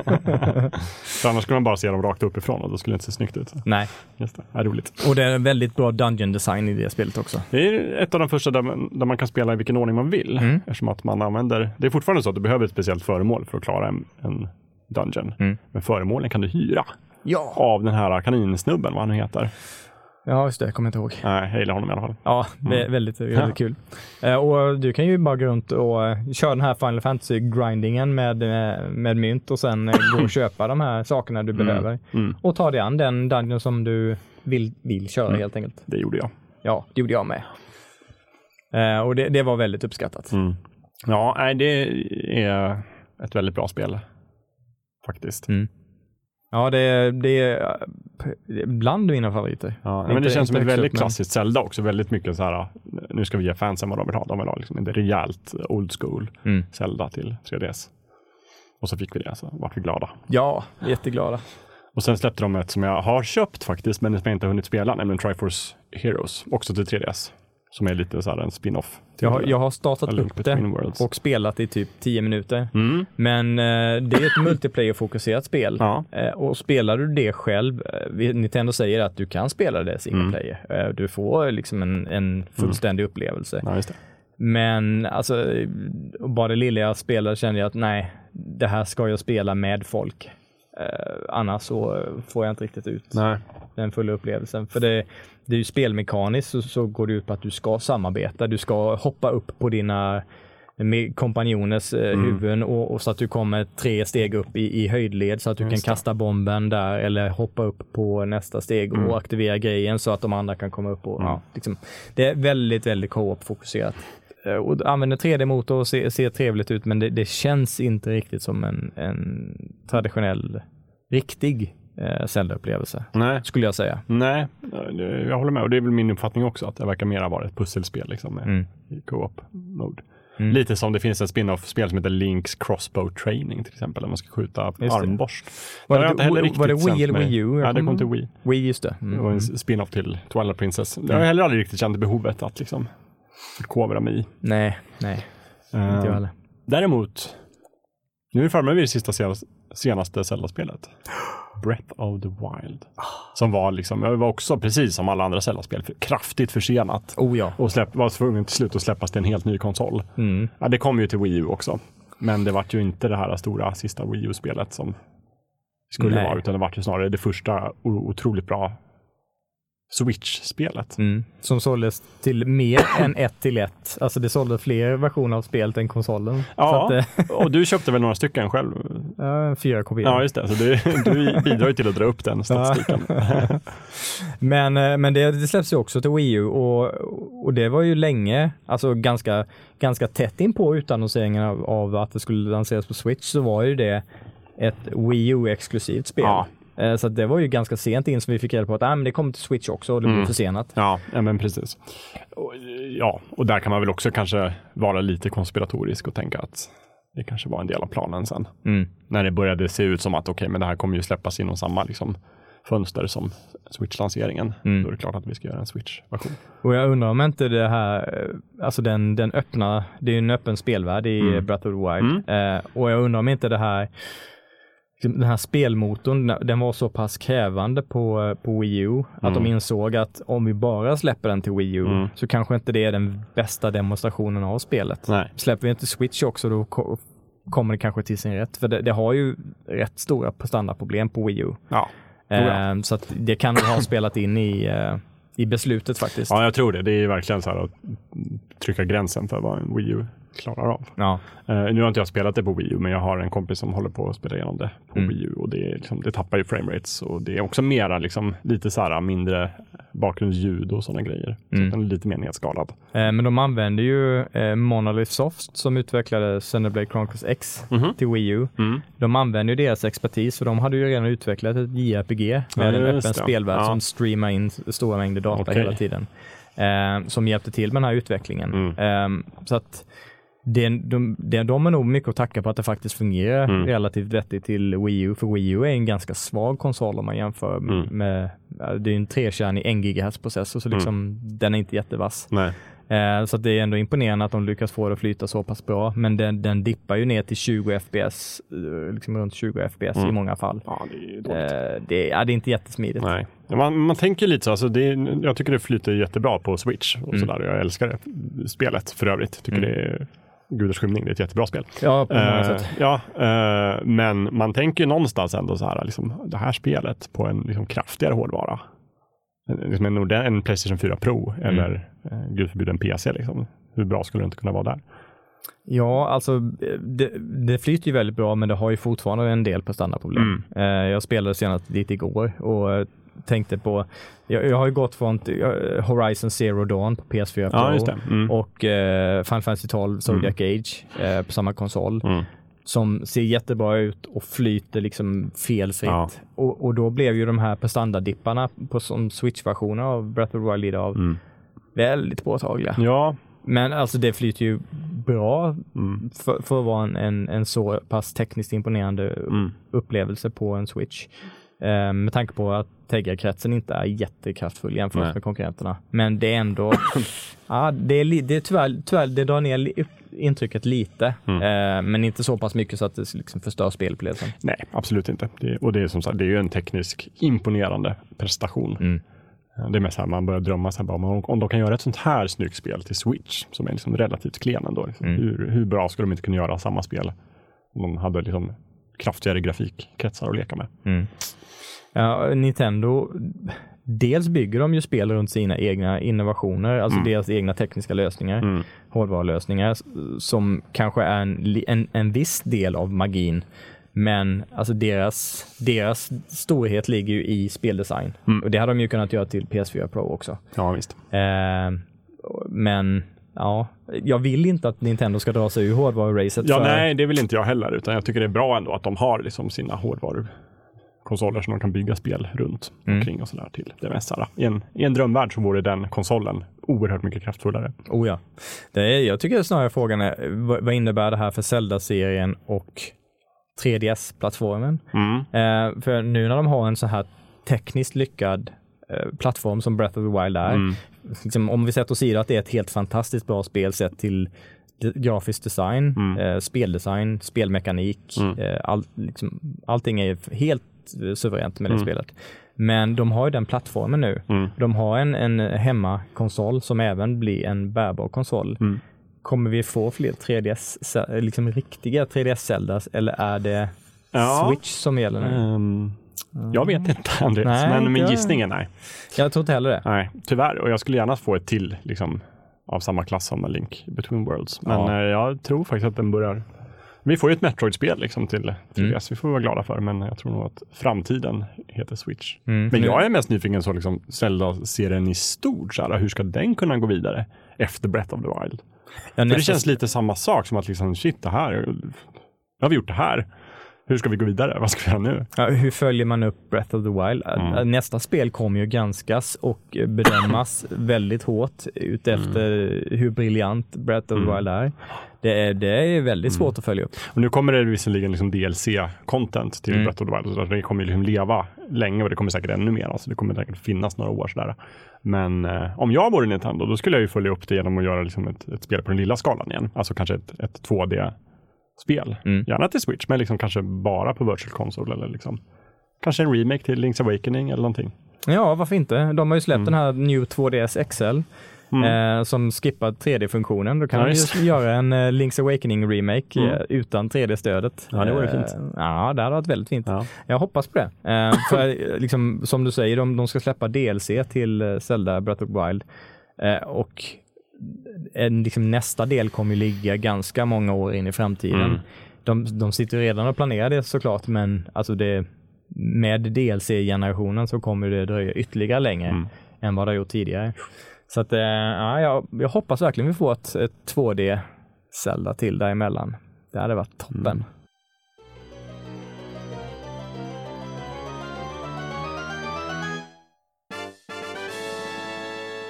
Eh, du har skrivit upp några andra spel här som jag skulle vilja fråga om. Mm. Eh, Link, The Faces of Evil 1993. Zelda, The Wand of Gamelon 1993 och Zeldas Adventure 1995. Vad är det här för För någonting? Philips CDI, den här eh, samarbetet som... Denna stora välkända konsol. oh ja, särskilt i eh, Europa och Sverige. Ja. Eh, nej, men det var ju Zelda, eh, Nintendo samarbetade ju med Philips efter deras samarbete med Sony föll samman. ja. Eh, för de, eh, Nintendo hade ju länge lovat att de skulle utveckla Play, Playstation eh, Ja. tillsammans med eh, Sony. Mm. Eh, en, liksom en Super Nintendo som kan spela CD-spel också. ja. Och sen i sista sekunden när So- Sony redan hade utannonserat eh, samarbete så gick Nintendo och bara nej, vi, kan, vi, vi tycker inte om det där avtalet så att vi samarbetar med Philips istället. Och då blev Sony jättearga och sen så släppte de Playstation. Och Ja, och det gick ju bra för dem. Det gick ju bra för dem. Ja.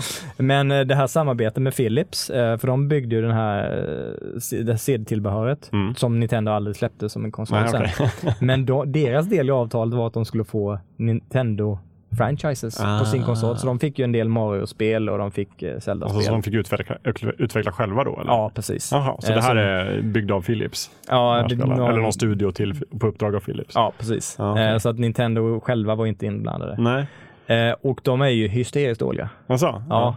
Eh, De första två som du nämnde där, det är ju så här, eh, 2D 2D-spel med så här, rende, renderad grafik som en rysk studio eh, Mm. tog fram. Eh, och så här, skit, verkligen skitfula eh, mellansekvenser, så här tecknade mellansekvenser där, som är röstskådespelare, också hysteriskt dåligt. Eh, där, där Link och Zelda gaggar om lite allt möjligt. Mm. Spelmekaniken är en travesti. Eh, Det fungerar jättedåligt på alla möjliga sätt. Eh, konstigt, man måste typ gå in i menyer och välja föremål och sen plocka ut dem i världen, använda Mm. dem, sen gå in i menyn och plocka ut. Och, eh, man måste gå in i menyn för att plocka fram en karta för att gå ut i kartan, gå ut i menyn. Och, Oj, oj, oj. Eh, står framför dörrar och sen är det samma knapp som öppnar dörrar eh, aktiverar eller plockar du upp saker med. Så om du ska plocka upp ett mynt som du måste ha för att köpa grejer så kan du gå in i en dörr istället. Och, ja, det, det är så dåligt. Det, Men jag förstår varför Nintendo inte pratar om de här spelen så mycket. jag förstår också det. Det är inte heller med på timeline. Nej, nej. Jag verkligen dem och tror. fråga så här, bara, var passar Face of Evil in i timelinen? Bara, pff, det, nu, nu pratar vi inte mer om det. Eh, och det tredje spelet där, det, det fokuserar ju på Zelda istället. Mhm. Och det, det ses ju ovanifrån, lite så här isometrisk, också en jättekonstig renderad grafik. Mm. Eh, långa laddningstider mellan menyer och också spelmekanik som pff, ja, kan göra vem som helst mörkrädd. Mm. Eh, jag, jag förstår, dels blev ju inte CDI särskilt eh, populär så att folk känner ju inte till de spelen av den anledningen. Men sen så att de var ohemult dåliga i sig Ja. gjorde väl att ännu färre fick, eh, fick nys om de spelen. Hur va? Så jag, jag tror inte vi kommer få några remakes eller virtual console-versioner av CDI-spel, Zelda-spelen eh, anytime soon. Nej, det tror inte jag heller. Det låter väl som att det är lika bra. Ja, ja Kanske. verkligen, verkligen. Wow. Mm. Eh, det var alla spel. Det var alla spel. Ja. Ja. Ja, vi drog igenom allihopa. Uh, också håller på ganska länge, så att vi ska väl avsluta ja. eh, detta härliga avsnitt av Fulkultur. Detta Zelda-epos. Ja, eh, jag tror att det är du och jag som har drivit frågan om, om att vi måste prata Zelda Mm. länge och sen till slut, för nu fick vi tillfälle. Mm. När alla andra är i huset Ja, så då passar vi på. så bara, då pratar vi om alla Zelda-spel. Jag hoppas i alla fall att alla ni lyssnare tyckte det var lite kul. Kanske ni lärde er någonting. Mm. Eller kanske bara, oj, det här spelet har jag missat. Ehm, Eller bara fick nostalgiska minnen när vi pratade om våra upplevelser med de här fantastiska spelen. Ja, precis. Och som sagt, skriv gärna in och berätta hur fel vi har om Ocarina of Time, att det är minsann visst är världens bästa Zelda-spel och sådär. Gör det bara. Vi, vi kan ta diskussion. Ja, ja, oh ja, oh ja. Jag är glad att vi tyckte likadant där. ja, Väldigt glad. jag inte- exakt Ja. över hur mycket vi håller med om. va? Mm. Mm, mm. Sen så kan man också följa Fulkultur på olika typer av sociala media. Mm. Då skulle jag rekommendera till exempel Instagram. Kan man gå in på Fulkulturpodden, söka Mm. rätt på. Eller Twitter, Fulkulturpodden. Eh, vi har en egen Tumblr-sida där vi också brukar lägga upp länkar och sånt till Mm. att vi tipsar om här. Mycket info där. Ja, då är det fulkulturpodden.tumblr.com. Mm. Och då kan vi lägga upp eh, länkar till både information och videos på Mhm. de här, till exempel skumma CDI-spelen så att ni får en känsla över hur, exakt hur usla de är. Ja, men precis, men på tryckt avstånd. Så. liksom. Ja, precis. Mm. Exakt. Och sen kan man, vi finns på Facebook också, Fulkulturpodden. Mm. Ja, det är väl egentligen det. Eh, vi är tillbaka om två veckor. Då vet jag vad det ska handla om, men det kommer inte handla om Zelda. Nej. Någonting annat. Ja. Just det. Men tills dess så eh, skulle jag vilja uppmana er alla att spisa fulkultur så det står härliga till i sommarvärmen. Ja, Gör som Andreas, var inomhus. Tack för att du pratade Zelda med mig, Andreas. Ja, tack själv, det var väldigt Eh, kul. Vi ses. Det gör vi. Hej då! Hej då!